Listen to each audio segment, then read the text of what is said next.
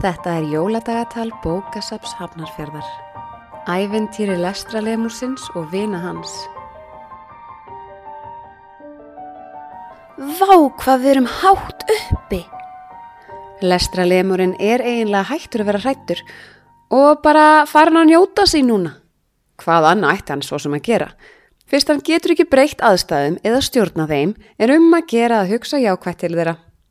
Hérðan sér hann næstum allalegi til fórsetans. Já, sér stjókarla og snjóengla, hesta og harmonikuleikara.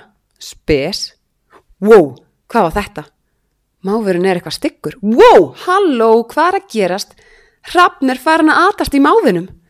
Ah, hvort er betri að vera jétin af hrafn eða máf, hrafn eða máf. Hmm, mávar borðar rusl, hrafnar eru hrifnir að glansandi hlutum. Jæja, þá tekið þessi nú sem hrósið að enda æfina í magarraps. Nú læti ég mig falla. Bless og takk heimur. Býtu, er ég, er ég enn að falla? Er ég enn að falla? Hvað er hrafnin? Aaaaaaah!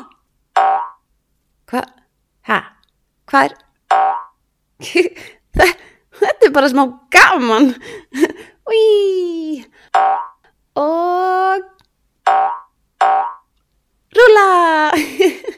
Þetta var nú gaman.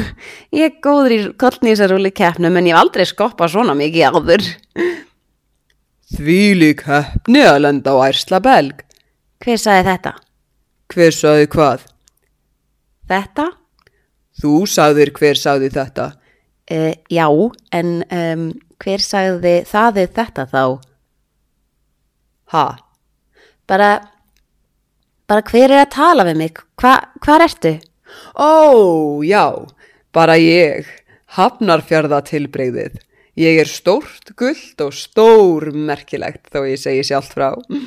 Ég sé flest allt sem gerist hér og að þú skuli vera bitepli hraps og más og að lokum í frjálsu falli lenda á ærslabelg hér á víðistæðatún er tvíli keppni.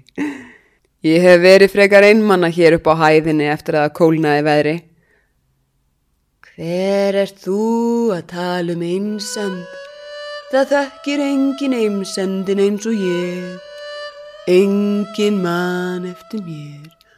Ævert að geta spá í þessu verki.